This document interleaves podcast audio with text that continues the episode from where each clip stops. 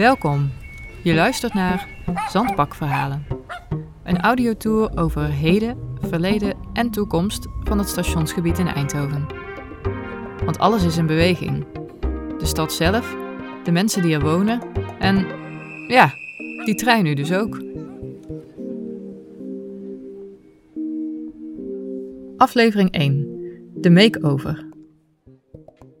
In deze eerste aflevering wil ik ontdekken wat de makeover van Eindhoven gaat zijn. Wat houdt dat eigenlijk in, een makeover? Ik sprak met Stijn, ervaringsdeskundige. Hij is continu bezig met het transformeren van zijn uiterlijk. Of het nu voor een optreden is, of gewoon voor door de weeks. Vandaag draagt hij een grote groene gebreide trui, met een broche, gekregen van zijn oma, die overigens goed past bij zijn gouden brilmontuur. Zijn geblondeerde haar is kort geknipt en met een pony. Ik leer van Stijn dat elke verandering onderdeel is van een grotere ontdekkingstocht naar identiteit. Voor mij is eigenlijk altijd de kern geweest, of ik nou op het podium sta of nu, om eigenlijk mijn, mijn uiterlijk en mijn schoonheid op verschillende manieren te ontdekken. Dus ik probeer eigenlijk ook alles. Soms heb ik zwart haar en witte wenkbrauwen en soms ben ik kaal.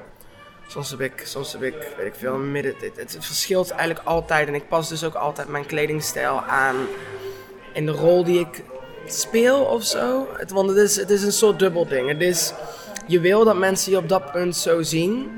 Maar je bent ook, het is ook een soort zelfontdekking. Omdat je gewoon constant aan het reinventen bent. Het begint meestal... Het, het, me- het grootste begin is meestal mijn, mijn haar. En dat wisselt dus vaak. En dat is vaak de, de, de, basis. Nou, daar kom ik vaak mijn kleding op. Of de kleuren die ik heel veel draag. Ehm, en vaak daarop wordt de make-up aangepast.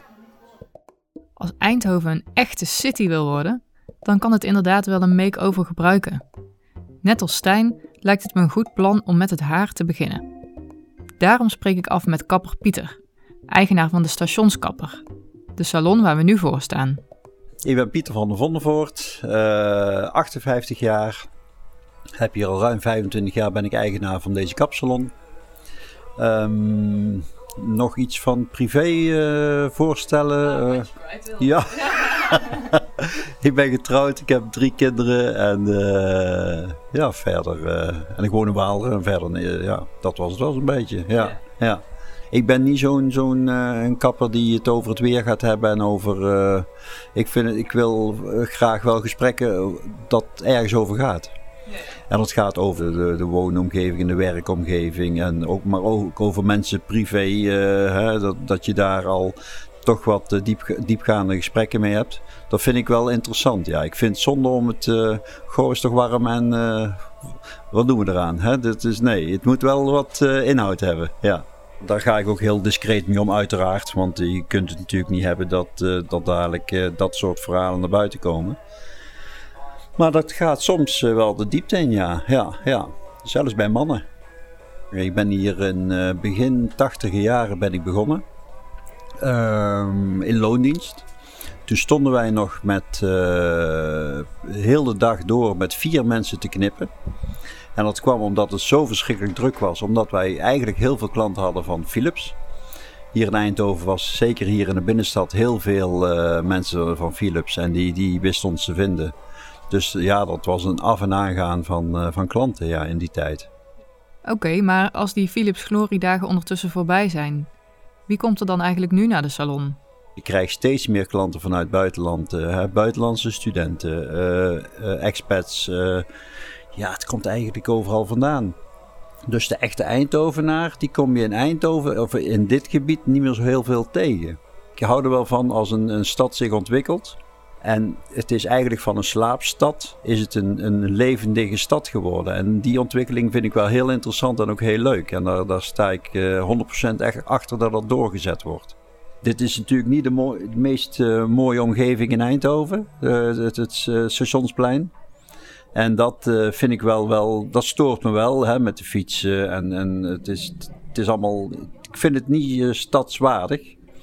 Dus ik ben wel blij dat dat aangepakt gaat worden, ja. Ik weet ongeveer wat er gaat gebeuren. Ja, dan heb je het over eh, die, die hoogbouw eh, op het eh, stationsplein. Is, het, is dat nog stationsplein? Ja, Maar in ieder geval op de parkeerplaats bij het VVV-kantoor. Ik had begrepen dat er bij Studentenhotel ook nog wat nieuwbouw zou komen. Dan zou hier nog op het stationsplein zou een fietsenkelder, een ondergrondse fietsenkelder komen. De, de, de dommel, nee, de gender zou er boven de grond komen, toch? Gaat dat er door? Want dat, dat vroeg ik me af. Die vraag kunnen we beter stellen aan Ronald. Hij werkt als stadsontwikkelaar voor gemeente Eindhoven. Hij weet van iedereen misschien wel het allerbeste wat er gebeuren gaat. Dat gaat zeker door. Ik werk nu 22 jaar bij, bij de gemeente Eindhoven. En uh, een van de dingen waar ik het langste mee bezig ben, uh, een heleboel collega's van mij, ik heb er ook een, een, klein, een kleine rol in, uh, is, is het weer, weer de gender weer terug laten stromen in de stad. Die stroomde natuurlijk vroeger, die gender, die komt uit Steensel. Daar begint hij ergens, ontspringt. Hij weet alleen zoveel dat het niet altijd makkelijk is om het kort te houden. Door uh, Veldhoven vlak langs ASML, dus dat is wel interessant. Sorry Ronald, maar ik wilde je ook nog vragen wat eigenlijk de aanleiding is voor al deze ontwikkelingen. Oké, nou ik vind zelf het stationsgebied, ik probeer me dan soms, ik ben geboren in Eindhoven, maar ik probeer me dan soms toch te vertalen, te, te ver, verplaatsen weer in, iemand die hier nieuw komt.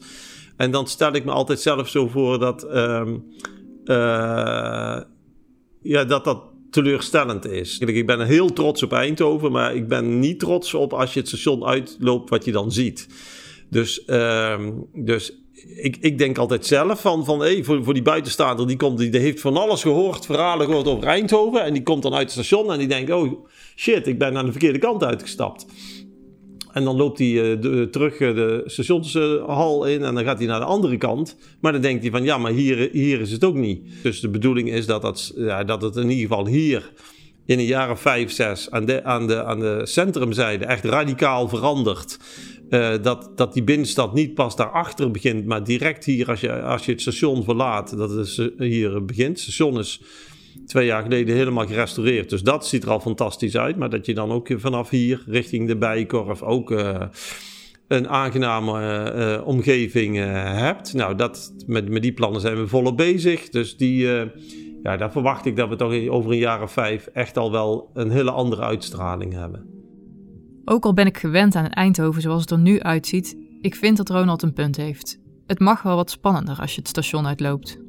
Hij vertelt dat er drie torens op de plek gebouwd zullen worden waar nu de parkeerplaats naast het station is en waar de fietsen staan.